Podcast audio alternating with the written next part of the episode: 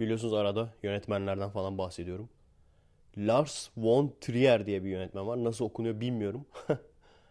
en son o çekmişti galiba değil mi? Nymphomaniac'ı.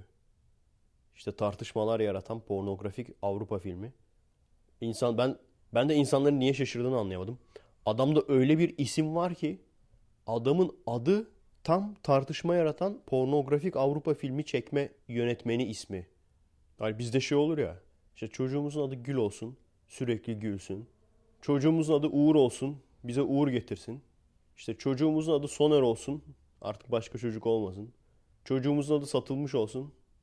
Onu bilmiyorum abi. Her neyse böyledir ya. Buna da öyle demişler. Çocuğumuzun adı Lars von Trier olsun. Tartışmalar yaratan pornografik Avrupa filmleri çeksin. Merhaba arkadaşlar. Nasılsınız? Keyifler nasıl? Kendinize iyi bakın arkadaşlar. Merhaba arkadaşlar nasılsınız? Keyifler nasıl? Hafta sonu Efekest tanıtım videomuzu çektik. Hala görmeyenler varmış galiba. Görmediyseniz direkt listeye baktığınızda direkt çıkıyor Efekest tanıtım diye. Best of Efekest yaptım. Bir günü ona harcadım. Sabah 6'da falan yattım. Eski günlerdeki gibi. Cumartesi pazar arası boş olunca bir de gene çocuk bakma olayımız vardı. Çocuk bakma olayı olunca gece 3.30'da falan kalkman gerekiyor. 4'te falan çocuğu alıyorsun aşağıdan. Kalkma da çok büyük sıkıntı. O yüzden en azından cumartesi gündüz uyudum. Yatmama gerek kalmadı yani. Öyle uykulu, yarı uyur, yarı uyanık gitmeme gerek kalmadı. Ateizm serisine çok ilerleyemedim ama gene de düşündüğümden daha çok ilerledim. Küçük bir parça bitirdim. Başka bir parçanın da yarısını falan hallettim. Dediğim gibi küçük küçük ilerleyince oluyor. İlk başta 4 dakikalık bölüm yapmaya çalışmıştım. Fenalık gelmişti. Neyse ki şimdi akıllandım. Efekest tanıtım videosunda paylaşmayı unutmayın. O videonun amacı işte hani Efekest baştan sona çok uzun bir şey olduğu için merak edip de bakmamış insanlar böyle bir best of'u görsünler, ne olduğunu öğrensinler veya bu konuyu hiç bilmeyen ve hatta beni tanımayan insanlar potansiyel olarak bizi beğenebilecek, bizim kafamızda olan insanlar duyup gelsinler diye. İşte hep diyorlar ya Türkiye'nin yüzde bilmem kaçı aptal, yüzde bilmem kaçı mal falan. Ama şöyle bir gerçek var. Türkiye'de zeki, kafası çalışan insan da var. Türkiye'de evet kendimizi aşırı yalnız hissediyoruz. Hani biz en zekileriz demiyorum ama hani bizim de böyle bir görüşümüz var. Bizim görüşümüzde insanlar çok az olduğunu falan düşünüyoruz. Çünkü genelde bakacak olursan sınıfta bazen tek kişi sensindir. Hatta bazen okulda tek kişi sensindir falan. Bu şekilde düşünen.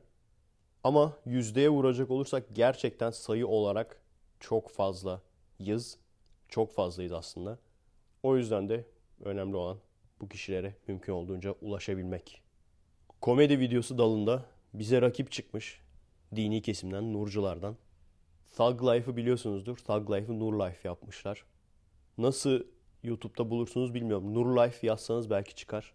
Böyle mesela çocuk diyor işte bir tane ateist yapmışlar. Küpe falan takmışlar. Tabii fazla da ateist nasıl hani olur pek bilmedikleri için kafaya bir tane bere takmışlar. Demişler ateist herhalde berelidir. O düşünceyle çocuk işte şey diyor.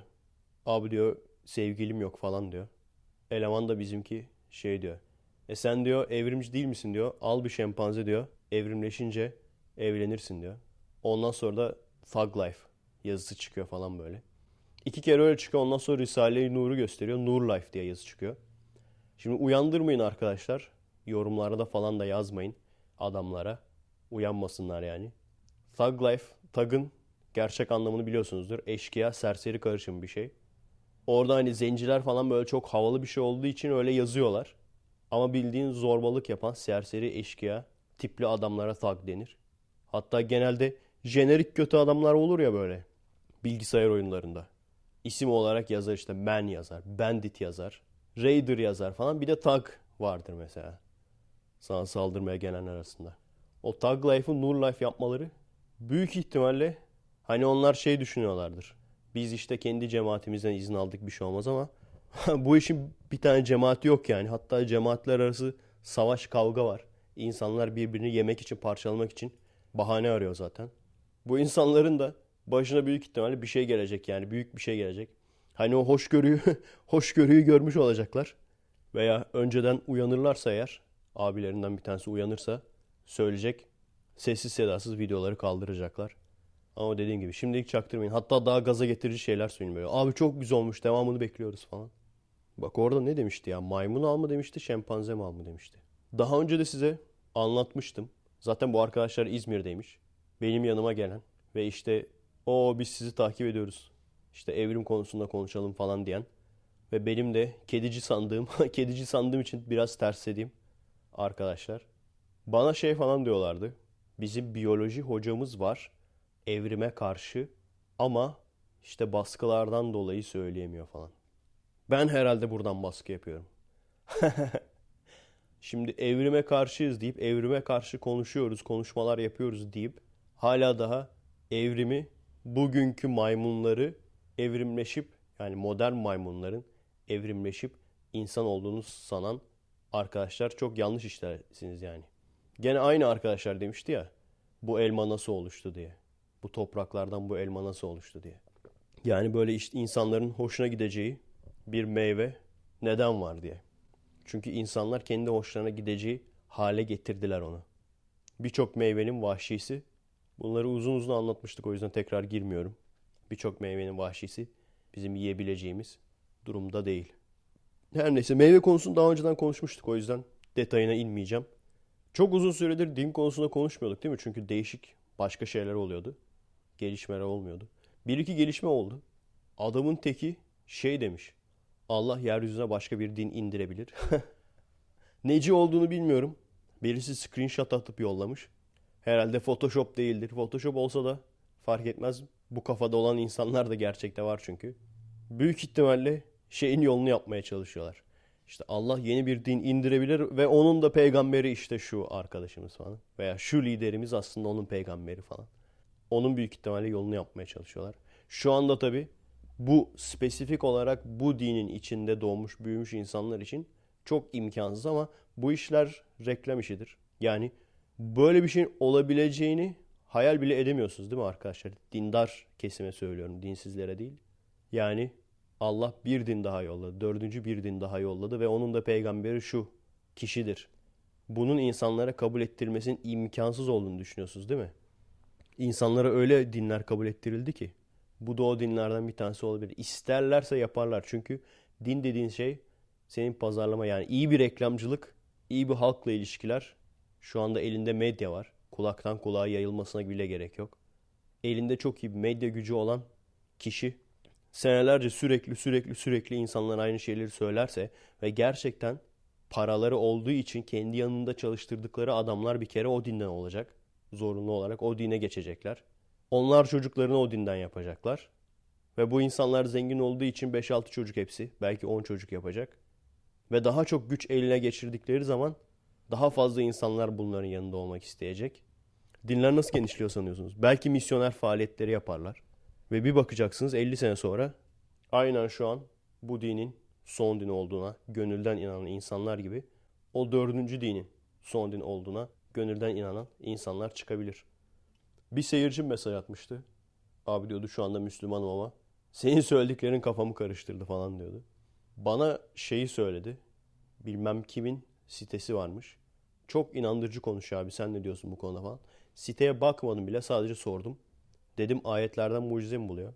İşte denizlerin birbirine karışmaması veya işte gün kelimesinin 365 kere geçmesi falan bunları mı söylüyor? Aa nereden bildin abi falan dedi. Dedim peki yalan söylüyor olma ihtimali olamaz mı? Çünkü evet bazı insanlar gerçekten inanıyorlar. Çoğunluk hatta gerçekten bu söylediklerine inanıyorlar. Ama bazı insanlar da özellikle çok göz önünde olan insanlar direkt yalan söylüyor. Yani diyor ki mesela biz araştırdık ve bu sonuca vardık. Yalan yani öyle bir sonuca varmadılar, araştırmadılar. Ama şunu düşünüyorlar. Biz kendimizden bu kadar emin konuşursak kimi ikna edebiliriz? Evet ateistler bunu yemez.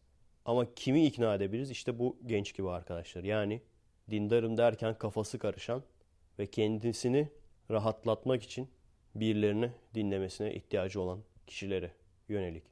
Bunu daha önce birkaç kere daha söylemiştim. Ateizm serisinin ilk videosunda da bundan bahsettim. Bu da tam birebir bir örnek. Çocuk şey diyor. Abi bilmiyorum kendinden çok emin konuşuyor abi falan diyor. Yani o kadar da büyük yalan olabilir mi diyor. Ondan sonra şey dedi işte peki abi ne okuyayım yani ne tavsiye edersin dedi. Dedim Kur'an'ı baştan sona okudun mu? Arapça sadece okuyup hatmettim. Ama dedi Türkçe okumadım. Çünkü dedi işte birkaç tane böyle çok büyük din alimi Türkçe okumuşlar ve kesinlikle hiçbir hata bulamamışlar. Kusursuz olduğunu söylüyorlar. E koskoca din alimleri bunu diyorsa benim gibi birisinin herhalde onlardan daha iyi bilecek hali yok. Şeklinde bir cevap verdi. Kendisi tabii yani insanlara şunu zorlayamam biliyorum. Çünkü gerçek şu. Hiçbirimizin oturup baştan sona okuyacak vakti yok. Oturun okuyun falan hani derim ama kim okuyabilir abi? Hangimizin öyle bir vakti var? Ama şöyle bir şey var. Yolda çok fazla vaktimiz geçiyor. O yüzden sağ olsun hasenat.net diye bir site. Daha önce bir kere daha size linkini vermiştim. MP3 olarak Türkçe versiyonunu yüklemiş. Onun linkini yolladım. Buyur dedim yavaş yavaş buradan oku. Kesinlikle tavsiyem budur. Yani içinizde dinsiz olmayan ama merak eden bu acaba doğru mu değil mi diye merak eden bak işte iki taraf var acaba hangisi haklı diye merak eden ve bununla ilgili nasıl bir kaynaktan okuyabilirim? Nereden okuyabilirim diyen arkadaşlar için ben herkese aynı şeyi söylüyorum. Önce Kur'an'dan başla. Çünkü birçoğumuz ben dahil bunu bilmiyorduk zamanında. Bilmediğimiz halde savunuyorduk. Bir yandan da şeyi düşündüm şimdi. O Tag Life, Nur Life'ı yapanlar karşı cemaatten dayak falan yerlerse böyle rakip cemaatten dayak falan veya kendi cemaatlerinden falan böyle dayak yerlerse siz ne yapmışsınız lan böyle dalga mı geçiyorsunuz diye. Çünkü şey kesin yani biz yapsak hani biz biliyorsunuz dinle ilgili bir sürü video yaptık. Ama onların yaptığının birebir aynısını biz yapsak direkt mahkemelik oluruz bence. Çünkü biz hep hani suçlu duruma düşmemek için ondan sonra inanan insanları uzaklaştırmamak için ama bir taraftan da onları uzaklaştırmadan bir taraftan da işte mümkün olduğu kadar gözlerini açmaya çalıştığımız için şimdilik artık yeni dava olmuyor. Çünkü yaptığımız suç değil. Atatürk sağ olsun. Yaptığımız iş suç değil. Ateistim demek suç değil. Ama işte dediğim gibi bu arkadaşların yaptığını birebir aynısını yapmaya ben cesaret edemezdim yani. Bakalım ne olacak. Ha öyle bir şey olursa mesela kendi cemaatlerine falan böyle dayak yere aforos falan edilirlerse belki ileride şey olurlar böyle. Onlar da böyle ateist videolar falan çekmeye başlarlar. Çünkü mesela Türkiye'de var mı bilmiyorum. Amerika'da çok var. Zamanında böyle çok alevli bir rahipken bir süre sonra uyanıp gözleri açılıp lan biz ne öğretmişiz şimdiye kadar deyip bu sefer tam tersi alevli bir ateist olan. Öyle çok insan var. Benim bildiğim The Thinking Atheist en ünlülerinden bir tanesi o. Ondan sonra Atheist Experience'daki Kelly Reis var ya o öyle olması lazım. Cult of Dusty o aynı şekilde. Bunların hepsi aktif olarak dinde görev almış insanlar zamanında. İçinde bulunmuş insanlar yani. Bizde benden başka var mı bilmiyorum. Yani eskiden evrimcilere karşı konuşan işte biraz daha araştırayım evrimcilerin haksız olduğunu göstereyim. Ateistlerin haksız olduğunu göstereyim falan diye başlayan bu işe. Ve bu şekilde ekşi sözlükte, forum sitelerinde falan böyle. Ve hatta YouTube'da mücadele eden. Benim YouTube'da ilk 2006'da falan ilk videolarımda görürsünüz yani. Şu anda bile. Hala duruyor mu o videolar bilmiyorum. Görebilirsiniz. Ve daha sonradan da ilerledikçe uyanan ve bu sefer tam tersi hakkında konuşmaya başlayan. Sanırım şu anda ben varım sadece. Evet bu böyle. Bir olay gördüm. Gene Facebook'ta bir arkadaş paylaşmış. Ya haber sitelerine de güvenemiyoruz artık. Hani haber sitesinde gördüm bu olay gerçekmiş diyemiyorsun. O yüzden yani ben sitelerin yalancısıyım gene. Söylediklerine göre grup yorumun solisti olması lazım. Ya solisti ya da gruptan bir tanesi. Kobani bana göre aslında bir devrim değildir demiş. Ve adamın dinleyicileri adamın ağzına sıçmışlar yani. Sen nasıl böyle dersin diye. Bakın bunu ben en aşağı 3. 4. kere görüyorum. Bu da ilginç bir şey. Bazı insanlar var gerçekten hümanist. Hani hümanistiz ama Molotov falan değil. Gerçekten adamlar hümanist olduğu için ve gerçekten azınlık haklarını koruma gibi bir düşünceleri olduğu için bu örgütlerle içli dışlı oluyorlar ve bu örgütlerin ne olduğunu tam anlayamıyorlar. Gerçekten azınlık hakkı koruyan, örgütler sanıyorlar bunları. Böyle insanlar var. Ve böyle insanlar hani şey falan diyorlar işte. Ben tamamen ne olursa olsun demokrasiden yanayım. Ne olursa olsun ifade özgürlüğünden yanayım. Hani o arkadaş Apo'yu seviyorum diyor. Olabilir saygı duyarım falan. O kafada insanlar. Herkesi kucaklıyorum falan. Yani ben, ben açıkça söylüyorum ben herkesi kucaklamıyorum. Neden herkesi kucaklamıyorum? Cevabı da bu insanların yaşadıkları. Ne oldu? Adam bir tane küçücük bir şey söyledi yani. Kobani bence benim için devrim değildir.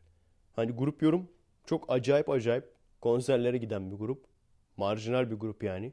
Tam bilmiyorum PKK yandaşı mı, sempatizanı mı. Hani %100 emin olmadan da insanlara böyle şeyler söylemek istiyorum. Belki gerçekten humanist adamlar yani. O yüzden. Yani sevene saygım var. Ben kendim sevmiyorum. Ama yani bakın. Evrimsel süreçte de bu geçerli yani. Herkesi kucaklamak diye bir dünya maalesef yok arkadaşlar. Bunu baştan bilmeniz lazım. Yoksa çok başınız ağrır. Başka bir örnek vereyim. Karikateist'in adminlerinden bir tanesine. Karikatist biliyorsunuz zamanında işte Dersim, ondan sonra Roboski bilmem ne işte kim olursa olsun insan insandır, insan hayatı falan. Zamanında bu tür paylaşımlar şu an yapıyorlar mı bilmiyorum. Zamanında ben o yüzden çıkmıştım. Ondan sonra tabii bu şekilde olunca çok fazla seyirci, çok fazla takipçi topladılar. Ama günün birinde bir PKK'nın infaz edilmesi mi? Öyle bir olayı adminlerden bir tanesi bunu da dile getir demişler. Adam da getirmeyeceğim o adam teröristi falan deyince çünkü hani adminlerin de hepsi aynı kafada değil farklı farklı kafada insanlar var. Bu sefer direkt saldırdılar karikateiste. Hatta o siteyi kapattırmışlardı. Sonradan sıfırdan açtılar galiba. Buna shitstorm deniyor. Kaka fırtınası, bok fırtınası. Bir anda üzerine böyle o senin normalde hani herkesi kucaklayayım deyip de himayene aldığın seyirciler bir anda sana hep birlikte saldırmaya başlarlar. Ve bu konuda tecrübeli olmayan insanlar bazen mesela şey yapar. Abi ben bırakıyorum ya bak herkes bana saldırıyor falan. Tamamen bırakır falan böyle işi. Bazısı depresyona girer. Bazısı da mesela bu o admin şey yapmıştı. Bu tam tersi. İyice agresif konuşmaya falan başladı. Ondan sonra filanca Çey'nin hayran sayfası mı öyle bir şey. Onlar işte şikayet etmişler bunları. Ondan sonra şeye getirmeye başladılar. Sayfalar savaşına getirdiler falan. Haydi arkadaşlar şikayet ediyoruz Ç'yi falan. Ç de bunları şikayet etmiş falan.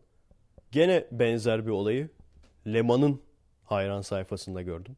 Dergiler bu konulara biliyorsunuz Ege'de öldürülen bir genç var. Ülkücü diyorlar yani. Aslında kendi konuşmalarında bunun partiyle alakası yok falan diyor. Bilmiyorum. Biliyorsunuz bununla ilgili hani mizah dergileri bakalım ne yapacaklar demiştim. Hiçbir şey yapmadılar. Hatta biz o hiçbir şey yapmamalarıyla dalga geçen bir karikatür yaptık Kirli 12'de. Twitter'dan takip ediyorsanız Kirli 12'yi oradan görebilirsiniz karikatürde. 3 tane dergi var. Penguen belgeseli gösteriyorlar. Hatta belki işte normalde mesela 4 tane dergi vardır aslında. Belki gene bizim gözümüzden kaçmıştır falan. O 4 tanesinden bir tanesi göstermiştir falan düşüncemizle 3 tane gösterdik. ama yanılmamışız. Hani belki yanılmış olabiliriz falan dedik ama yanılmamışız yani. Gerçekten penguen belgeseli yapmışlar. Her neyse Leman'ın hayran sayfasında da adminlerden bir tanesi eski bir karikatürü. İşte gene insan öldü diyor. Diğeri de diyor işte Türk mü Kürt mü diyor.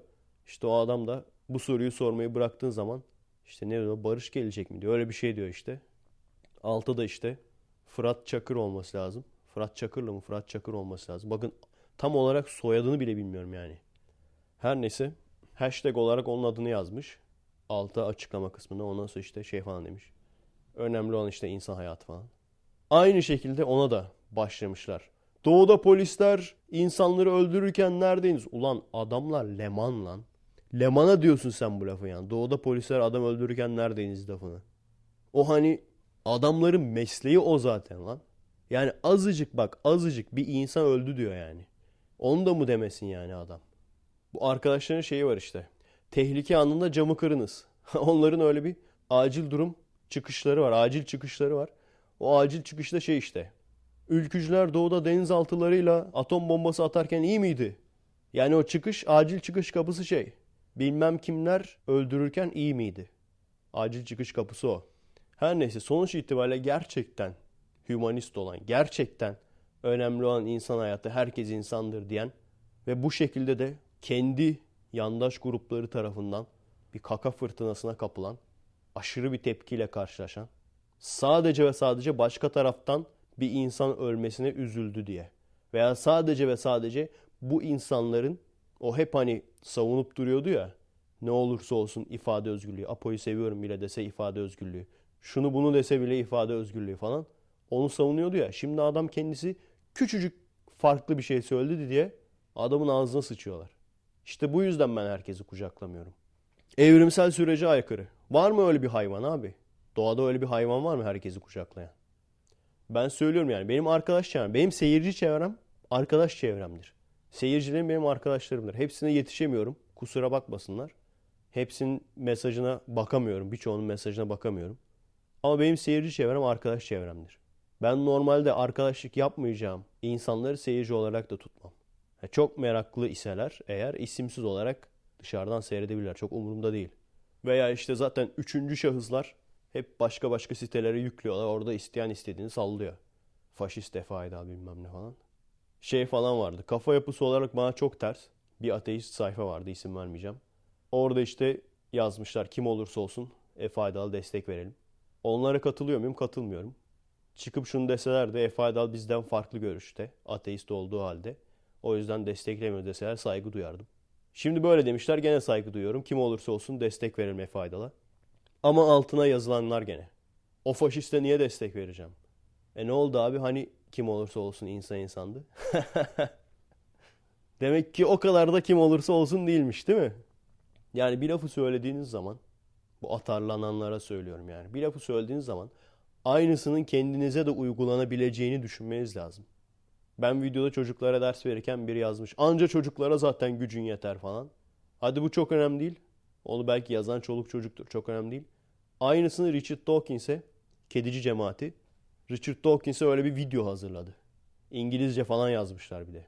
Şey demişler. İşte sonunda Richard Dawkins kendi denktaşlarını, kendi denkeni buldu. Artık onlara gücü yetiyor falan diye yazı var önce. Ondan sonra da Richard Dawkins'in çocuklarla birlikte bir deniz kenarına gidip orada işte deniz kabuklarını falan inceliyorlar. Ondan sonra bir kahkaha efekti falan. Ha ha ha senin gücün anca çocuklara yeter. Öyle mi abi? Öyle mi çocuğum? Öyle mi yavrum? Peki hadi o zaman ben başa geleyim. Diyeyim ki hiç kimse çocuklara dinle ilgili hiçbir şey konuşmayacak. 18 yaşına gelene kadar. Ateizmle ilgili de konuşmayacak, dinle ilgili de konuşmayacak. Ondan sonra 18 yaşına geldiği zaman, hepsinin aklı erdiği zaman ondan sonra çıkaracaksın. Diyeceksin ki bak böyle böyle böyle kitaplar var. Böyle böyle dinler var. Şu dinin taraftarı şu kadar, bu dinin taraftarı bu kadar. Al oku. Hangi dine girersen gir saygı duyacağım sana. Baskı da yok. Hadi yapalım mı? Yapalım mı abi? Yani bak bir şey söylüyorsanız aynısını kendinize uygulanabileceğini unutmayın. Kaç kişi gördü ben onlarca kere gördüm. Burası Müslüman ülke beğenmeyen defolsun gitsin lafını. Veya işte bizim kurallarımıza uymayan defolsun gitsin lafını. Ben kaç kere gördüm yani onlarca kere görmüşümdür. Peki o zaman bu yurt dışına Avrupa ülkelerinde türban yasaklandığı zaman, minareler yasaklandığı zaman neden ağlıyorsunuz? Orası Hristiyan ülke. Beğenmeyen gitsin. Yani şu tesadüfü zaten ateistler bile açıklayamadı. İslam dini hoşgörü dini. İslam dininin hoşgörülü olduğu yerler eşittir azınlıkta olduğu yerler. Farklı bir örnek ben bilmiyorum. Bana gösteremezsiniz. Sağ olsun Atatürk sayesinde Türkiye'de en azından söyleyebiliyoruz. Ama söylersek iş bulamayız. O ayrı mesele. en azından söyleyebiliyoruz. Ama Türkiye'de bile bunun baskısını görüyoruz. Bunun baskısını yaşıyoruz yani. Özellikle İzmir haricinde şehirlerde yaşayanlar. Ama buraya gelin. Burada böyle üçer üçer gruplar halinde oldukları için o neler var. Ben Washington State Fair'da İslam'ı yayma standı vardı bir tane. Neler neler yazmışlar. Kadınları biz ne kadar yüceltiriz, ne kadar severiz. İnsanlara ne kadar saygılıyız. Farklı görüşlere ne kadar saygılıyız. Yani bilmiyorum bu işlere girmek isteyen internette bu tür videolar belki yüklemek olur. Müzik ile ilgileniyorsunuzdur. Veya işte podcast yapıyorsunuzdur. Bir tane podcast yapan bayan kest vardı mesela. İşte kötü yorum yazmış bir bayan. Başka bir kadın falan. Ne yorum yazdığını hiç bilmiyorum. Ona takılmış falan. Yani bunlara takılmamanız lazım arkadaşlar. Shitstorm denilen bir olay var. Bu bir gerçek. internet üzerinden ünlü olmamış olanlar bu konuda çok sıkıntı yaşıyorlar. Normal ünlüler. Yani profesöründen tut Richard Dawkins'inden normal bir şarkıcısına kadar internet üzerinden ünlü olmadıysan bu işleri bilmiyorsan yani çok sıkıntı yaşıyorlar. Bir anda beklemedikleri bir şey var ya çok ilginç bir haber vardı. Kadının bir tanesi ünlü bile değil kadın yani. Bilmem ne şirketinde ceoluk mu yapıyormuş? Yo yardımcı müdürlük mü yapıyormuş öyle bir şey. Salak saçma bir tweet atmış uçağa binmeden önce. Ve kadının takipçisi de 168 mi öyle bir şey. Yani sadece arkadaşları. Öyle bir ün, ünü falan yok yani kadının. İşte bir Afrika ülkesine gidiyor. Atıyorum Zambiya olsun. Zambiya'nın büyük zenginlerinden. Atıyorum Zambiya olsun. Şey diyor işte Zambiya'ya gidiyorum. İşte acaba Ebola kapar mıyım? Ebola'nın hani çok yoğun olduğu ülke vardı ya bak unuttuk. Gitti kafa. Acaba işte Ebola kapar mıyım diyor. Ondan sonra da gülücük koymuş şey demiş. Ama kapmam çünkü ben beyazım falan demiş böyle. Bu kadar yani. Evet salakça bir laf. Ondan sonra tabii uç- telefonu kapatıyor. Uçağa biniyor. Uçak da bayağı bir uzun süre yani 10 küsür saat falan. İniyor ondan sonra bir açıyor. Inbox patlamış böyle. Telefonu bir açıyor. Inbox patlamış böyle. O kadar hızlı bir şekilde yayılmış ki. Yani bilmiyorum artık on binler mi, yüz binler mi? Kadına hashtag başlatmışlar, kampanya başlatmışlar işten atılsın diye. Ondan sonra bir domain alıp site açmışlar. Bilmem kim bilmem kim işten atıldı mı .com diye falan. Zaten küfürler şeyler falan. İlk zaten arkadaşından bir mesaj gelmiş. Hani o inbox'ı da görmeden önce. Arkadaşı demiş sana olanlar için çok üzüldüm falan. Nasılsın iyi misin sağlığın nasıl falan. Şaşırmış falan kadın ne oluyor lan falan. Ondan sonra görüyor. Kadın bildiğim baya bir ünlü olmuş yani. Kötü anlamda. Yani bu gerçek arkadaşlar. Maalesef bu bir gerçek. Yani o kadar boş vakti olan çok fazla insan var dünyada. Sadece Türkiye'de değil. Çok fazla boş vakti olan hani işi olmayan da demiyorum bak. İşi olanların içinde de çok boş vakti olan var. Çünkü düşünecek olursanız bir insan sadece işe gidiyorsa o insanın da çok boş vakti var demektir. Özellikle işte mesaide, mesaiden sonra. Biz bilmiyor muyduk abi araştırma görevlilerinin neyi araştırdıklarını? Soliteri araştırıyorlardı. Bilmiyor muyuz onları yani? O yüzden böyle ufak şeyleri bile bu kadar büyüten saçma sapan abuk subuk insanlar var. Bunlar bir gerçek. Bunlar gerçek yani. O yüzden neler yapmanız lazım? Ben ne tür önlemler aldım mesela? Şu anda çok fazla yaşamıyorum o tür sorun.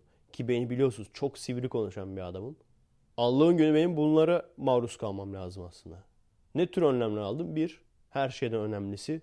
Zaten yanlış konuşmuyoruz ama yanlış anlaşılmaya müsait olabilecek hiçbir şeyi söylememeye çalışıyorum. Bazen tweet yazıyorum, siliyorum. Çünkü hani bunu kötü niyetli kullanabilirler. Bazen podcast'te bir şey söylüyorum, montajda siliyorum.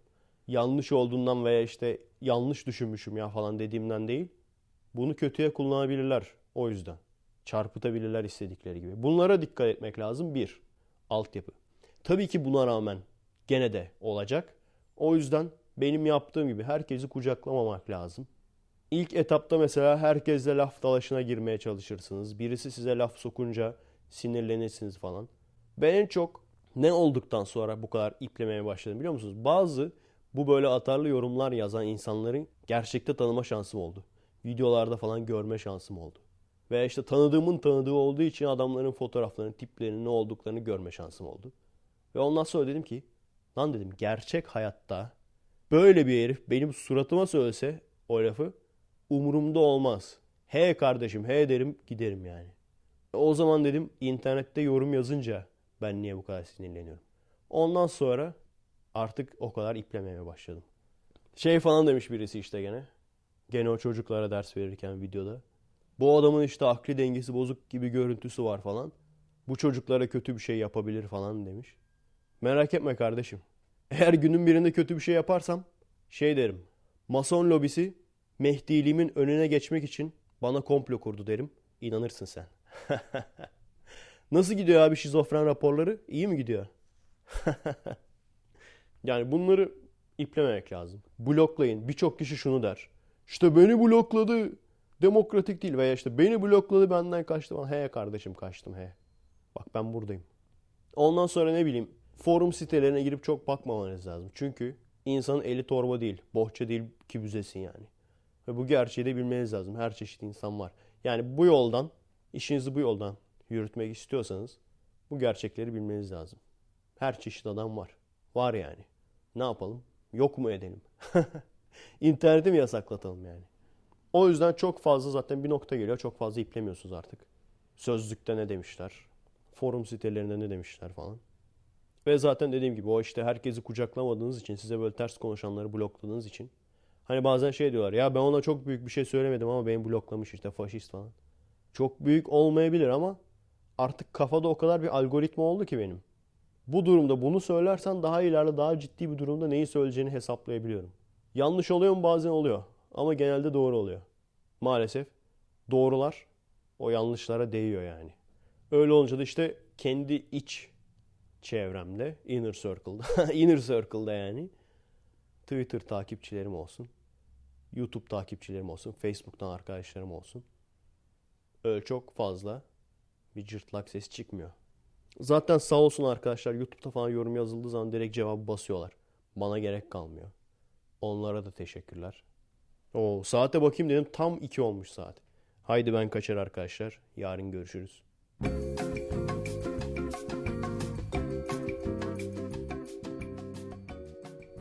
Evet salıdan merhaba arkadaşlar.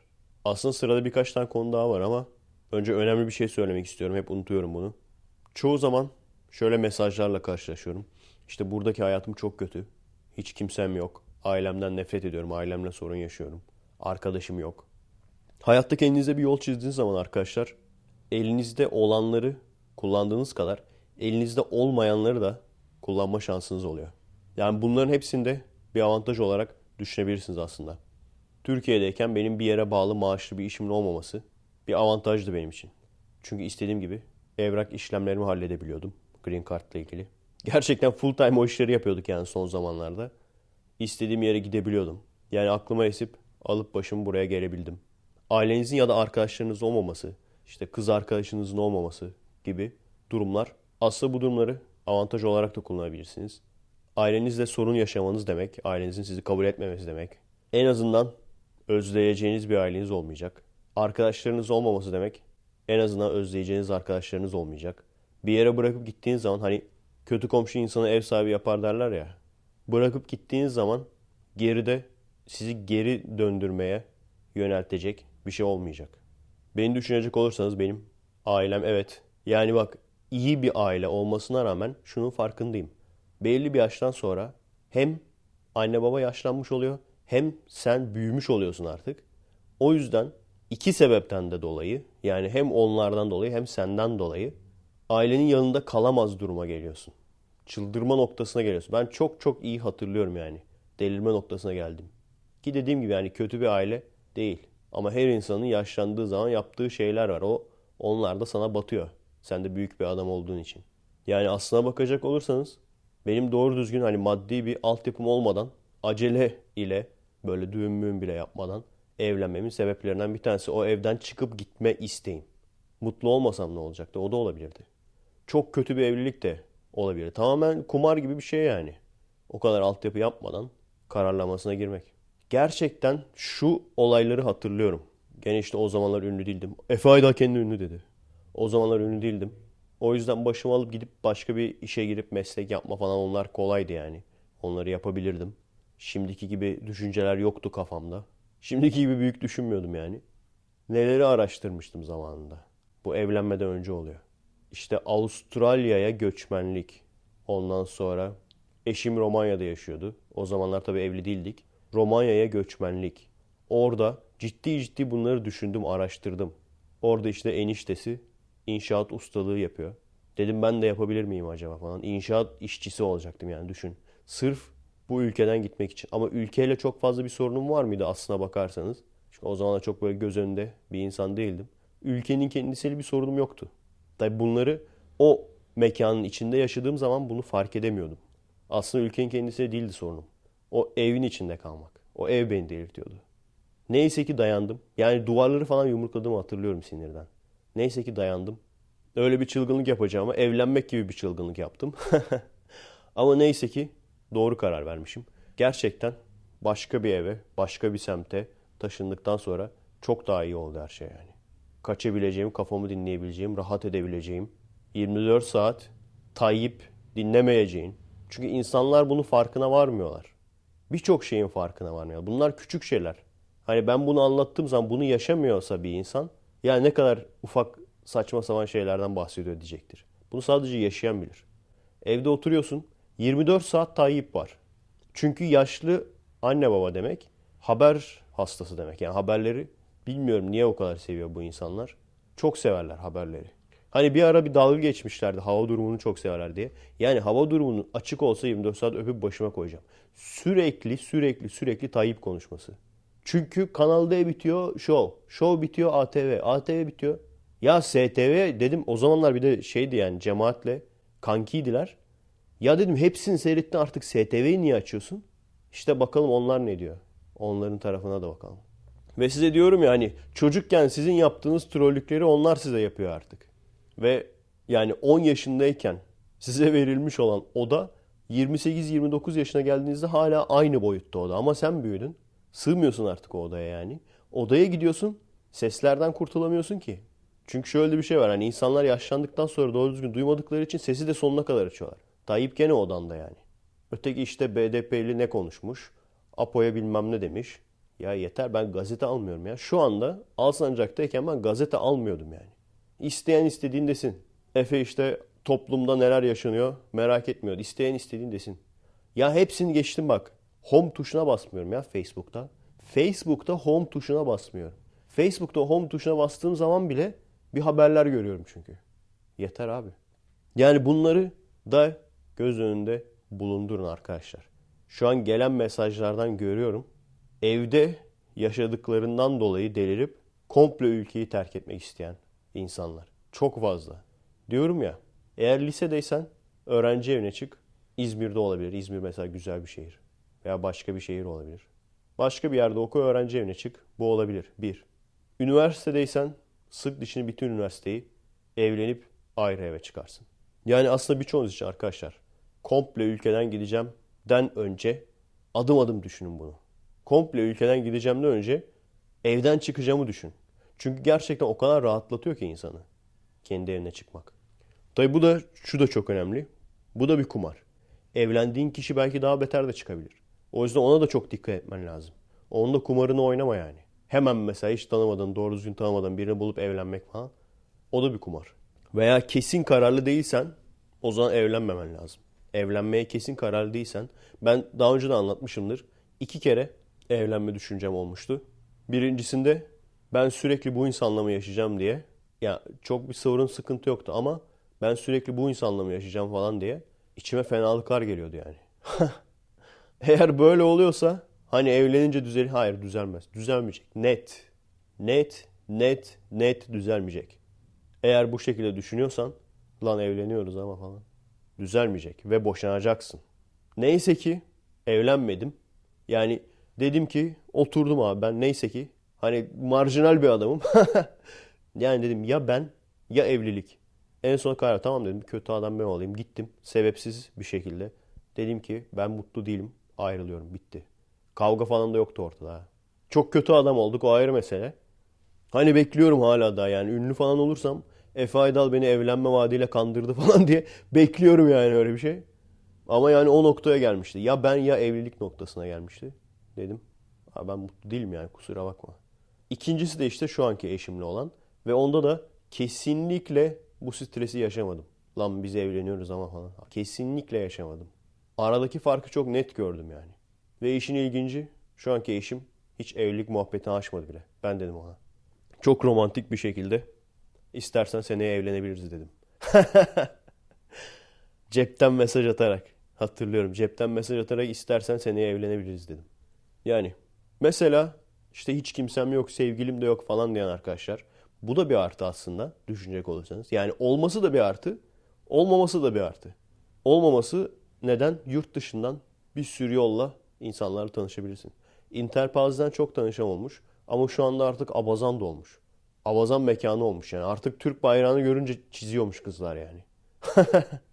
o yüzden isterseniz deneyin şansınızı interpaz.net. Evliysen de şöyle bir avantajı olabilir. Gene interpaz'a girersin. Bu sefer bayan değil erkek bakarsın. Çünkü o şekilde arkadaş normal mektup arkadaş yok. Çünkü orası interpaz aslında penpal mekanı. Mektup arkadaşı mekanı. Erkek bulursun onunla muhabbete girersin. Veya bir kız arkadaşın veya sevgilin yok veya evli değilsin. Gene erkek bulursun. Çünkü kız bulmaktan daha kolay. Hangi şehre gitmek istiyorsan. Ondan sonra gidersin ziyarete. Oradan belki bir kız bulursun. Veya ona dersin. Abi dersin eli yüzü düzgün.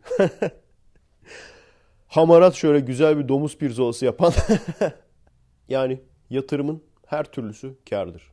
Ben zamanımı maddiyattan çok kendime yatırım yaptım. Genelde öyle laf vardır. En güzel yatırım eğitimdir falan. Aslında doğru bir laf. Ben zamanımı ona harcadım. Para kazanmaktansa yeni şeyler öğrenmeye sürekli ona harcadım. Ne oldu? Çok fazla bir mal varlığı yanımda taşımak zorunda kalmadım. Çok mobil bir insan oluyorsunuz yani. Sürekli kendinize yatırım yaparsanız çok mobil bir insan oluyorsunuz. Bütün yatırımlarımı da yanımda getirdim yani o yüzden. Aikido olsun. Zamanında dil öğrenmiş olmam olsun. Astronomi olsun. Satranç olsun. Ve hatta futbol olsun. Şu an şunu fark ettim yani. Şey demiştim. Japonca çok bilmiyorum. Temel olarak biliyorum. O yüzden öğretemem falan demiştim. Keşke biliyorum deseymişim ha. Çünkü burada var işte İspanyolca dersleri bilmem nece dersleri falan. Temelin de temeli yani. O yüzden aslında Japonca dersi verebilmişim. Kendim doğru düzgün bilmediğim halde. Çünkü kendim bir sene boyunca falan öğrenmiştim. En azından müfredatı biliyorum yani. Kitapları da biliyorum. ben ne öğrendiysem o öğrendiğim yere kadar öğretirdim en azından yani. Onu da çok özledim ya. Umarım ileride hatırlama şansım olur. Satrancı mesela o artısı çok oldu. Kendim acayip unutmuştum uzun süredir oynamıyorum diye. Öğreteceğim diye baya bir kastım. Bilmediğim şeyler öğrendim. Unuttuklarımı hatırladım. Neyse bakalım. Yani içimdeki bu. Bilmiyorum arkadaşlar yani sizde var mı öyle bir şey? İçinizi kıpırdatan böyle kıpır kıpır yapan hayaller. Filmcilik bir tanesi benim. İkincisi de Japonya'yı görmek. Çünkü her nerd'ün hacı odur yani. Her nerd hac görevini Japonya'ya gidip şöyle bir kawaii convention falan. kawaii olmasa bile cosplay isterim ben yani. Bir cosplay convention falan böyle bir görmek. Bir böyle eski Japon mimarisinde dojalar var orada. Oralara gidip orada Aikido çalışmak. Hala da yani Amerika'yı bir kurtuluş olarak görüyordum ben. Ama kesinlikle öyle içimi kıpırdatan bir şey değildi yani hiçbir zaman. Her zaman için Japonya olmuştur. Evimi zaten ziyaret edenler bilir. En çok açık olan kanal NHK'dır. Japon kanalı. Öyle işte her nerd olarak ben de ağır bir nerd olduğum için nerd başı gibi bir şey oldum yani artık. Ağır nerd bir adam olduğum için her nerd'ün haccı Japonya bir gidip umarım görme şansım olur. Birkaç kişi abi kalsana falan dedi de nasıl kalacaksın abi ya? Gerçekten hani gördüğün zaman ben gidip de içinde bulunmadım yani. İçinde bulunanlar belki farklı düşünebilir. Ama sürekli ne bileyim YouTube'dan videolar. Ondan sonra işte NHK'yı sürekli takip ediyoruz zaten. Hani görünce insan özeniyor yani. Lan herifler bak ne güzel şeyler yapıyor. Neyse fark etmez. Sonuçta şunu fark ettim. Yani bunların hepsi zaten paraya bakıyor. Geri kalan vizyonumuzu falan toplamışız zaten. Para kalmış o da olacak. Olacağını biliyorum yani. Çalışan kazanır bunu gördüm. Sürekli çalıştım. Tabii önemli olan şu. Sadece çok çalışmak değil. Doğru çalışmak da çok önemli. Doğru doğrultuda gitmek de çok önemli. Eğer kendinizi yükseltmeye çalışmazsanız alt bir işte istediğiniz kadar çok çalışın. Yükselmeye çalışmazsanız hep aynı yerde kalırsınız. Veya o yerde yükselseniz ne olacak yani? Tatmin olabilecek misiniz? Hayatınızı o şekilde harcadınız. Gizli EFGS'e değinmiştim. Şimdi onları düşünüyordum tamam mı? Diyordum ki işte bu işten zam alırsak ondan sonra işte zam aldığımız zaman öteki sene daha güzel bir evde yaşarız bilmem ne. Birkaç hafta önce uyandım kendime geldim yani. Ben dedim ne zaman ne zaman böyle bir adam oldum buraya geldikten sonra. Buradaki insanlar gibi olmuşum dedim yani. Ne zaman ben paranın hesabını yapan, işe gideyim bol bol para kazanayım, bu paralarla güzel bir yerde yaşayayım. Ne zaman böyle bir adam oldum dedim yani. Kendimden tiksindim. Bu hayallerin hepsini çöpe atan filmcilik hayallerini, kendi arkadaşlarıyla gelişip film çekme hayallerini, bunların hepsini çöpe atan, bunların hepsini unutan arkadaşlıkları, aileyi, bunların hepsini unutan, maaş hesabı yapan bir adam ne zaman oldum ben dedim. Şeye falan bakıyordum ya. Yolda böyle arabalara bakıyordum. Diyordum işte otobüse binmek çok büyük sıkıntı artık şey yapalım. Seneye de bir araba alırız burada falan. Ne zaman böyle bir adam oldum abi? Bilmiyorum. Yani isteyen istediğin desin. Çok umurumda değil. Ben uyandım yani. Neden yaşadım, ne için yaşadığımı fark ettim. İleride dinle ilgili, ateizmle ilgili söyleyeceklerimi söyledikten sonra konuşmaya bırakırsam bana kızmayın. Benim kimliğim, benim hayalim filmci olmak. Film konusunda ilerlemek. Büyük ihtimalle de söyleyeceklerimi söyleyip yani aklımda olan söylemek istediğim her şeyi söyleyip onu da yükleyip ondan sonra da filmciliğe devam etmek istiyorum. Çünkü benim hayalim filmcilik. Yani beni sırf din sebebinden dolayı takip ediyorsanız bazı insanlar mesaj olarak yazıyor. Bazı insanlar podcast'te belirtiyor. İşte ateistlerin temsilcisi falan diye. Beni bu kimlikle görüyorsanız ileride çok büyük ihtimalle sizi hayal kırıklığına uğratacağım. Sebebi de bu. Çünkü söyleyeceklerimi söyleyeceğim. Bunlar bittikten sonra artık kendimi filmciliğe vereceğim. Eğer hala da dışarıda kalırsak. Neyse konuyu çok dağıttık arkadaşlar. Kusura bakmayın. Yani olay şu. Eğer hani okulda çok boğuluyorum, evde çok boğuluyorum gibi düşünceleriniz var birçoğunuzun. Ve işte başka bir ülkeye gidip artık bu saygısızlardan kurtulmak istiyor falan. Önce başka şehir düşünün arkadaşlar. Adım adım. Başka bir ülkeye eğer gerçekten gidecekseniz ve gerçekten burada özleyeceğiniz arkadaşlarınız olmayacaksa, burada özleyeceğiniz aileniz olmayacaksa o zaman gene gidin. Özellikle mesela daha yakın olan Avrupa şehirleri. Gidin. Çünkü şöyle bir şey var. Bu bir gerçek. Maalesef bir gerçek. Burası bile ki Amerika çok aslında müthiş bir ülke değil. Ama burada bile çalışma şartları. Sorun yaşıyoruz eyvallah. Ama o sorun da şundan kaynaklanıyor. Onun da farkındayım yani. Hani işte yaşadığım sorunları Gizli Efeges'te detaylı anlattım. Ama ona da laf etmiyorum. Neden? Çünkü biz göçmen olarak geldik. Tecrübesiz olarak geldik. Bu sebepten dolayı bizi alacak insanların da ucuzcu kafada olması gayet doğal. Yani bunun farkındayım. Çok aşırı şaşırmadım yani. Ha ne olurdu? Tecrübemiz var şimdi. Tecrübemiz olduğu için başka bir yere giderdik, geçerdik yani. İş imkanı çok yani. Çalışmak isteyen iş imkanı çok. Gelip pişman oldum keşke gelmeseydim diyen ben görmedim. Özleyen çok insan var. Ara ara gitmek istiyorum hala da diyen çok insan var. Kaç sene oldu hala da iş yerinde sıkıntı sorun yaşıyorum diyen çok insan var. Yani çalışanların daha çok hakkı var evet. Ama gene şeyler var yani. İşte iş yerinde tırtoluk yapanlar. O tür insanlar var yani. Neyse ki şu an benim iş yerimde hala da iyi gidiyoruz yani. İlerliyoruz. Ama dediğim gibi. Ya bir gün aynaya baktım dedim ben ne zaman böyle bir insan olmuşum yani. Para hesabı yapan. Kendimden utandım yani. Düşüncelerimden utandım yani. Ya istiklal ya ölüm. ya filmci olacağız ya da ölene kadar denemeye devam edeceğiz. Seviyeyi mümkün olduğu kadar yükseltmeye çalışacağız. Bu seviyeyi yükseltmeye çalışacağız derken haftada vakit buldukça YouTube'dan falan yeni çıkmış Türk filmlerine bakıyorum. Kara Oğlan diye bir film vardı bir ara. Fragmanı geldi. Sonra sinemaya geldi mi, gelmedi mi? 2013 filmi. Hadi dedim ben buna bir bakayım. Seyrettim filmi ve filmle ilgili laflar hazırlamıştım. Ve hatta size söyleyecektim. Neler söyleyecektim? Diyecektim ki film o kadar profesyonel olmamış ama gene de Türkiye ortalamasına göre iyi bir film. En azından full stüdyo çekmemişler. İşte açık araziye falan çıkmışlar. En azından 20-30 tane atlı adam ayarlamışlar. Evet aksiyon sahneleri gene hiç el kirletilmeden yapılmış ve gerçekten puu dediğim aksiyon sahneleri vardı yani. Adam attan After Effects'e düştü. Yani hayal edebildiğiniz bilmiyorum şöyle düşün. İki tane at var işte. Bir tanesinde kara olan var. Ötekisinde Comolokko var. Comolokko, Camoka yani. Şeydekiyle aynı. Dizideki Comolokko ile aynı. Arka plan yeşil ekran büyük ihtimalle. Onun arkasına da bayır görüntüsü var. Kara olan atından atlar hareket etmiyor duruyorlar. Şeye tekme atıyor. Yanındaki Camoka işte o da atın üstünde ona tekme atıyor. Camoka'yı After Effects'te uçuruyorlar. Uçurmuşlar. Rotate yapmışlar. Yan döndürmüşler falan. Ama iki boyut böyle. Derinliği yok yani adamın. Kağıt gibi uçuyor böyle. Hadi onları falan hiçbir şey demedim. Ondan sonra dövüş sahnelerinin acayip fake olmasına, hani dövüş koreografisi falan bilmeyen birisinin yapmasına ve baştan sona aşırı bir diyalog, aşırı konuşma olmasına bir şey demedim. Zaten bunlar çünkü fixtir yani. Gene de her şeye rağmen Türk filmi ortalamasına göre iyi bir film. Çünkü Türk filmi ortalamasının Ömer Çip olduğunu düşünecek olursak Türk filmi ortalamasına göre iyi bir film. Bunları diyecektim. Ama işte yani gişede çöktüğünü de görmüştüm. Ama gişede çökmesi de gayet doğal diyecektim. Çünkü gerçekten filmi seyrettiğin zaman gişede çöksün diye yapılmış yani. Yönetmenine baktım merak edip. Kudret Sabancı galiba. Ne hangi filmleri çekmiş falan diye baktım. Dizi yönetmeni. Aliye, Zerda bu tür dizileri çekmiş. Zaten düşünecek olursanız senin dizi dediğin şey de 2 saat.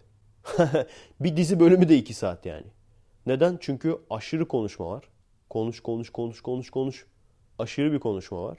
Bunu alıp bu şekilde aynen aynı dizi seslendirmesi. Yani dizilerde böyle biraz fake'tir ya seslendirmeler. Bazıları onu iyi yapar ama bazıları da yapamaz. Aynı o dizideki fake seslendirmesinden tut. Müziklerin çok kötü eklenmesine kadar.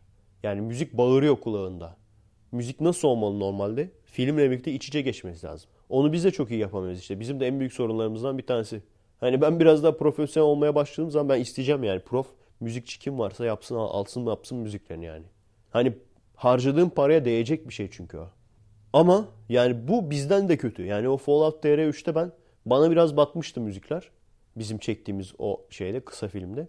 Ama bu ondan da kötü. Bu kulağını kemiriyor. Ondan sonra biz mesela isterseniz açıp seyredebilirsiniz Fallout TR bölüm 3 diye. Mesela biz de sonradan seslendirme yaptık. Ama ben bir sürü şu Türk Max filmlerinde sonradan seslendirmenin acayip fake olduğunu gördükten sonra biz bunu nasıl doğal yapabiliriz diye çok uğraştım, çok düşündüm yani. Ve gerçekten onu kotarmışız. Bence güzel olmuş yani. Çünkü arkadaşlara söylemediğim zaman bu sonradan seslendirme diye anlamıyorlardı. Söyleyince de oha hiç anlamadık diyorlardı yani. Oradaki seslendirme sonradan seslendirmedir. O Fallout TR'deki. Neyse burada işte Kara olan karakteri gene kendi sesini kullanmamış. Dizideyken Kaan oynuyordu bizim okuldan. Kaan da gene kendi sesini koymuyorlardı adamın. Bu da gene çok net belli. Kendi sesini kullanmamış. Sesler, konuşmalar tutmuyor bazen. Ama her şeyden önemlisi tutsa bile stüdyo kaydı olduğu çok belli. Yani bir dizi bölümü seyretmiş gibi oluyorsun. Gişede çökmesinin sebebi de bu işte. Çünkü o iki saatlik dizi bölümünü teyze evde seyreder veya amca evde seyreder. Daha önce de demiştim. Çünkü geliyor mesela teyze. Çok uzun ve sıkıcı bir iş yapması lazım. Mesela bezelye ayıklaması lazım. Fasulye ayıklaması lazım veya. Onu yaparken bir yandan yaparken bir yandan televizyona bakıyor. Veya amca geliyor işten. Yatıyor kanepeye. Bir taraftan uyukluyor. Bir taraftan diziyi seyrediyor. Ne oluyor? Uyuyup uyandığı zaman dizi ilerlememiş oluyor yani. Kendinden Dijitürk Plus yani. Uyuyup uyanınca dizi ilerlememiş oluyor. Çünkü uyumadan önce de konuşuyorlardı. Şimdi gene hala konuşuyorlar. Aynı sahne. Sahne de değişmedi yani. duyarlı. Senin uyumana göre duyarlı yani. Hani evde olduğu zaman seyredilir. Veya gazete açıyorsun. Gazete açarsın bakarsın. Bir yandan da göz ucuyla takip edersin. O şekilde seyredilir. Ama para verip de oturup da seyretmez kimse yani. O kadar diyalog üstüne diyalog olan bir filmi. Neyse abi bunları diyecektim. Karakteri, kara olan karakterin ismini bile yazmamışlar. Sonlarda çıkıyor adı neden bilmiyorum. Ünlü bir oyuncu değil galiba. O işte zor tabii. Çünkü hani dövüşmesini hiç bilmeyen bir adam. En basit hareketleri bile sahneleri kese kese yaptırtmışlar. Ama en azından bu sefer kara bulmuşlar yani. Dizisinde çünkü sarışın gibi bir şey. Ne albino bulsaydın anasını satayım. kara olan diye. Karanın başka bir anlamı var acaba? Oturup onu düşünmüştüm ben. Olabilir bak. Belki de karanın başka bir anlamı vardır. Eski Türkçe'de falan böyle. Olur ya öyle. Deli dersin. Delinin aslında başka bir anlamı var. Aşık dersin. Aşığın başka bir anlamı var ha. Belki karanın da başka bir anlamı vardır. Biz cahilliğimize verin. Neyse bu sefer tutturmuşlar karasını yani en azından. Bir tabii ikincisi de ata binmesini bilen bir adam olması lazım. Üçüncüsü de tipinin de elini yüzünün düzgün olması lazım. E bunların hepsi olunca adam konuşamasa bile doğru düzgün ses tonu olmasa bile oynatmışlar. Veya dövüş sahnelerinde başarılı olamasa bile oynatmışlar. Şey komiğime gitti ama ya. Jomolokko aynı karakter olması. Ölüyor ölüyor. Dizide öldü burada gene geldi gene öldü. Yo ölmedi lan. Sonunda ölmedi. Bak spoiler verdim size hadi. Bazı şeyler mesela. Hadi şeyleri falan geçtim. Zaten paranın çoğu oraya gitmiş büyük ihtimal. Matte painting yapmışlar hep arka planları. After Effects'te. O çok önemli değil. Zaten hani düşük prodüksiyonlu filmlerde o zaten bekleniyor. O normal bir şey. Kaleyi After Effects'te yapmışlar. Bazı yerler fena olmamış. Bazı yerler çok kötü olmuş. Yani paintle yapsaydın kardeşim diyesi geliyor insanın. Bazı yerlerde prodüksiyon iyi olmuş. İşte atları yere düşürtmeyi falan başarmışlar. Ki Michael Bay gibi aynı sahneleri 2-3 kere kullanmışlar. At düşüyor mesela sonra sonlara doğru gene başka bir savaşta gene okçular aynı şekilde aynı görüntü yani aynı görüntü. Tekrardan at aynı şekilde düşüyor falan. Hani Michael Bay en azından farklı filmde yapıyordu. Yok o da mı aynı filmde yapıyordu yoksa ya? Yok farklı filmde yapıyordu en azından. Dedim acaba bunu da mı Michael Bay çekti? Michael Bay çekse bütün o set patlardı ya. Atlar falan patlardı böyle direkt. Hani fazla ünlü oyuncu da yok. Ona da para gitmiş olamaz. Bir şehir kurulmuş. Ona prodüksiyon harcamışlar. Otağı falan yapılmış. Hani dedim ki bu 1 milyon 2 milyon falan harcamışlardır. E dedim gene de o parayı çıkartamazlar yani. Söylediğim sebeplerden dolayı. Çünkü seyirci prodüksiyona bakmaz. Kaç para harcadığına da bakmaz. Sıkılıyor mu sıkılmıyor mu? Görüntüler iyi mi kötü mü? Yani atlıların geliş sahneleri var. Tripod koyup da çekmiş. Adam o kadar belli ki yani dizi yönetmeni oldu. Film bittikten sonra oturdum dedim. Ben çekerim onu. Efe Aydan dedi. Çekerim abi. Çekerim yani. Beni aşan hiçbir şey yok filmde. Ama dediğim gibi hani herkes yapıyor ben de yapayım kafasıyla bunu yapmayacağım. Ki şu da önemli. Aslında gene orta metraj olacak bir film yani. Diyaloglarla beslemişler. Ben mesela dediğim gibi kesinlikle onu düşünüyorum yani. Kısa filmden sonra uzun filmden önce bir orta metraj çalışmaları yapmak istiyorum yani. Bir saatlik mesela. o günleri görebilirsek tabii. Her neyse bunları söyleyecektim. Bugün gelirken dedim ki abi şunun bütçesi ne kadarmış filmin? 1 milyon mu? 1,5 mu? Neymiş bakalım? 12 milyon TL. Oh my god. 12 milyon TL harcamışlar filme. Ve film gerçekten şey değilmiş. Ben sanıyordum ki hani böyle bazı olur ya ünlüler ne bileyim Şafak Sezer falan böyle veya Tamer Karadağlı falan böyle biraz böyle cebinde biraz parası birikir. Hadi der şunda bir bir film çekeyim en azından hani şu parayı bir buçuğa katlarız en azından falan. Öyle değil. Bildiğin Fetih'ten sonra falan çekilmiş bir de daha yeni yani. 12 milyon TL. Ve zaten çıktığı zamanlar işte bomba etkisi yaratacak bilmem ne o eski haberleri de görmüş oldum. İşte Fetih'ten sonra en çok para harcanarak çekilen film falan. 12 milyon TL. Cem Yılmaz'ın bütün filmlerinden daha pahalı. Yılmaz Erdoğan'ın bütün filmlerinden daha pahalı. Sen o parayı ne yaptın abi? Ne yaptın sen o 12 milyon milyar o tüpün parasını ne yaptın sen? 90 tane atlı kullanmış. Ben vallahi 30 tane atlı gördüm. Toplam. Yani bir seferde 30 atlı gördüm. Yani arkadaşlar hani hep diyoruz ya siz de diyorsunuzdur kesin. Lan 1 milyon TL mi olsa kralını tanımam. Aynen öyle. Benim de 1 milyon TL mi olsa kralını tanımam yani. Adam 12 milyon TL'yi böyle bir işe yatırmış. Atmış. Böyle bir şey atmış. Yani anlayamadım o kadar çok soru var ki. Mesela her şeyden önce niye bir sahneyi koyma lan? Bir sahneyi koyma abi. 12 milyon olacağına 11 milyon lira. 10 milyon lira harca. O geri kalan 1 ile 2 ile de adam gibi ses düzeneyi koy. Adam gibi ses koy. Adam gibi müzik koy. Müzikte anlayan, seste anlayan birini koy oraya. Ulan delirmemek elde mi ya? Nasıl bilmezsin? Nasıl bilmezler abi bu kadarcık şeyleri? Nasıl bilmezsiniz? Nasıl 12 milyon TL'yi film çekmesini bilmeyen bir adama verirsiniz? Bunu böyle bir adamın eline verirsiniz. Ne düşündün de yazdın? Sen o entry'yi ne düşündün de yazdın?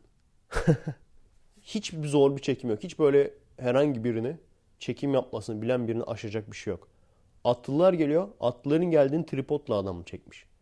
Hani öyle arabaya bineyim, arabadan mesela atlıları takip edeyim falan. Öyle zor çekimler yok kesinlikle. Biraz para harcamış, biraz prodüksiyon harcanmış.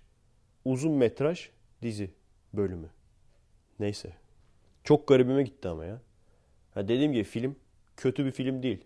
Hani böyle böyle yükseleceğiz. Hepsine eyvallah. Hani böyle böyle yükseleceğiz abi diyene de eyvallah. Herkese eyvallah ama o harcanmış parayı ben anlamış değilim. Yani benim kafamda ben onun hesabını şeyini yapamadım yani. Tartamadım. Bir filme bu kadar para harcanıyor. Bu kadar prodüksiyon masrafı oluyor. Bu kadar insan emek veriyor buna. Bir sürü insanın emeği var. Ama mesela oyunculuk, diyalog hepsi sıfır. Seslendirmeyi yapamamışlar. Yani seslendirme yapamamışlar abi. Renk ayarını, color grading'i yapamamışlar. Nasıl yapamazlar? Nasıl ikinci sınıf handicam gibi veya artık ne kamera kullandılar bilmiyorum. Yok muydu bir Arri Alexa'nız? 12 milyon vermişsiniz lan. Yok muydu bir red kameranız? Anlamıyorum abi. Neyse. Neyse arkadaşlar. Yani benim için faydalı oluyor. Hani bu kendini beğenmişlik falan değil. Ben gerçekten insanların ne eksileri var görüyorum ki ben de aynı hataları yapmayayım. Mesela seslendirme olayını ben işte dediğim gibi Türk Max'tan görmüştüm. Oradaki böyle Türk filmlerindeki o seslendirmenin ne kadar fake olduğunu görmüştüm yani. Biz aynısını yapmayalım demiştim. Genelde eksilerinden faydalanıyorum. Artılarından faydalandığım genelde yabancı filmler oluyor. Maalesef öyle. Özellikle ne biliyor musunuz arkadaşlar? En çok faydalandıklarım YouTube'cuların. Kısa film çeken YouTube'cuların işte o Fallout, Red Star falan. Mesela şeyi arka arkaya seyredin. Fallout 2 ile bölüm 2 ile Fallout bölüm 3 bizim çektiğimiz. O aradaki farkı göreceksiniz. 2'de yaptığımız hataları görüp 3'te aynısını yapmamaya özen gösterdim. O esnada da işte o Fallout Nuka Break, Red Star'ı falan seyrettim. Baktım ha adamlar bak bunu yapmış, bunu yapmış. Aceleye getirmemişler. Mekanın içinden de çekim yapmışlar falan filan. Bakalım arkadaşlar. Döndüğüm zaman sıra bana da gelecek. Kısa film olarak en azından.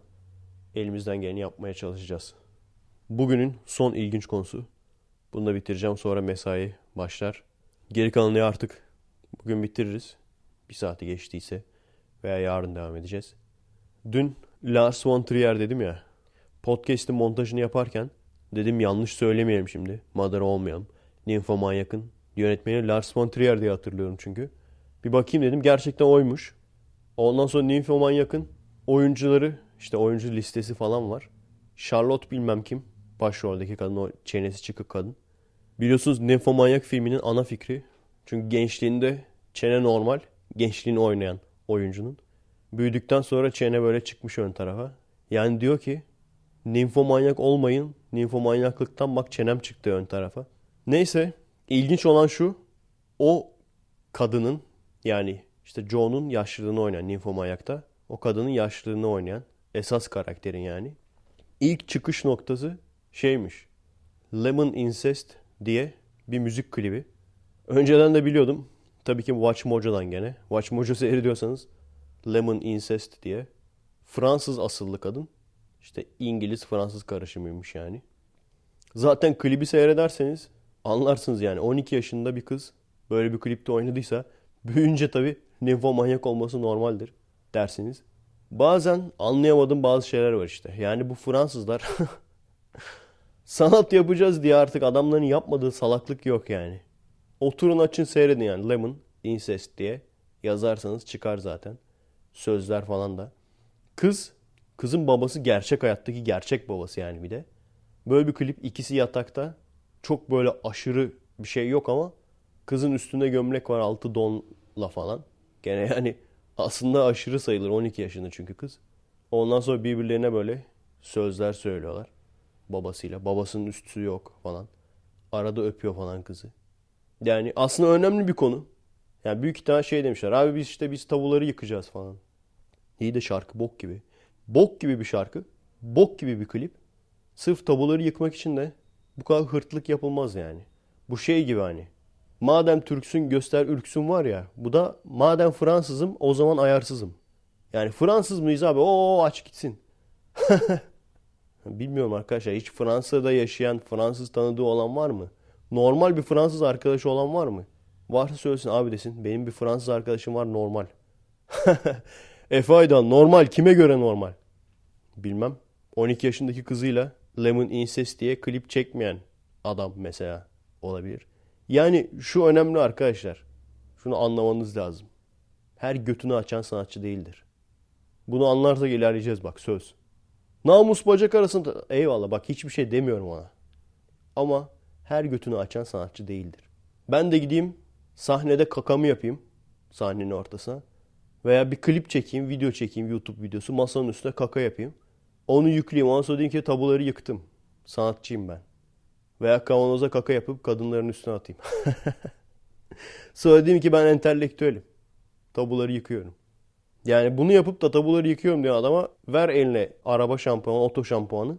İşte tabuları yıkıyorum falan. E, elindeymişken bizim arabayı da yıka.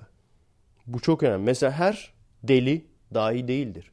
Her avuk subuk konuşan adam gerçekten deli insan da var. Gerçekten rastgele kelime söyleyen insan da var. Bu niye insanlar anlamıyor ki? Bir tutturmuşlar abi kesin orada derin bir anlam vardır. Hayır abi. Deli diye bir insan var yani. Şeyi hatırlıyorum uzun zaman önce. Hala Vimeo'da adamın videoları var ama bilmiyorum. Hiç ne adını hatırlıyorum ne olayı ismini hatırlıyorum. Adamın bir video serisi var. Adamın olayı şu ALS'li adam. Anladığım kadarıyla yani. Ya ALS'li ya da tip olarak ona benzeyen bir şey yani. Hani her ALS'li Stephen Hawking değildir abi. Bunu anlamanız lazım yani. Hani her deli dahil değildir. Her ALS'li Stephen Hawking değildir. Adam böyle çok acayip bir yeni ama bir de yani çok eski de değil yani. Herif 80'lerden beri bu olayı yapıyor. Adam guru olmuş artık yani. Değişik böyle bir hippie tarikatı gibi tarikatı var. Konuşamıyor falan. Şey yapıyor o da işte gene Hawking onun robot konuşma muhabbeti vardır ya. Bu da yazıyor. Yazarak anlatıyor işte. Karısı var. Karısı galiba. Bilmiyorum onların artık ilişki durumları nasıl. Karısı açıklıyor falan okuyor işte neler söylediğini falan. Bir sürü insan toplanıyor. Tamam mı? Adam diyor ki mesela şimdi diyor işte tabularımızdan kurtuluyoruz. İşte bilmem ne. Zincirlerimiz olan kıyafetlerimizden kurtuluyoruz falan. Hepsi ondan sonra üstünü başını çıkartıyor daldaşak. Çok böyle güzel bir görüntü olarak hayal ediyorsunuz büyük ihtimalle ama herkesin böyle 40-50 yaşlı selülitli insan olduğunu düşünün. Hadi diyor şimdi çiftler değişsin. O ötekine gitsin, o ötekine gitsin. Hadi şimdi birbirimizi kucaklıyoruz. Doğayla iç içe geçiyoruz falan. Altıda yazmışlar. Ne güzel bir seans falan. Ulan sizin aklınızı seveyim be. Aklınızı seveyim yani. Ne manyak adamlanmışsınız kardeşim. Yani tabii umurumda değil. İsteyen istediğini yapsın da manyaksın yani. manyaksın. Adama bir şey demiyorum. Adamın peşinden gittiğin için manyaksın yani. O adamı da soyuyorlar falan böyle. İşte kadınlardan bir tanesi adamın üstüne oturuyor falan böyle. Spiritüellik yalnız ha. Yanlış olmasın ha. Ne yapıyorsunuz abi biz? Abi spiritüellik yapıyoruz. Evet yan odaya soyunma odasına gelmişlerdi. Onların konuşmalarının bitmesini bekledim. Benim de mesai başlamak üzere. Evet anlatacaklarım bu kadardı. Şimdi eve gidince bakalım bir saati geçmiş miyiz? Geçtiysek haftaya devam ederiz arkadaşlar. Konuşma değil bir de biliyorsunuz montaj da sıkıntı oluyor. O yüzden fazla geçirmemeye çalışıyorum. Tam bir saate tutturmaya çalışıyorum yani. Geçen hafta sırf o yüzden bir gün fazladan montaj yapmam gerekti. Neredeyse geç kalıyordum. O yüzden saat olarak biraz geç yükledim. Her neyse adresimiz youtube.com bölü kommek, twitter.com bölü kommek. Destek olmak isteyen arkadaşlar için patreon.com bölü Efe Aydal. Tabii ki beğendiğiniz videoları ve podcastleri paylaşmayı unutmayalım. Kendinize iyi bakın arkadaşlar. Evet bakalım asansör müziğimi, kapanış müziğimi. Hazır mısınız? 3, 2, 1. Merhaba arkadaşlar. Posanski, França. Quem dizer?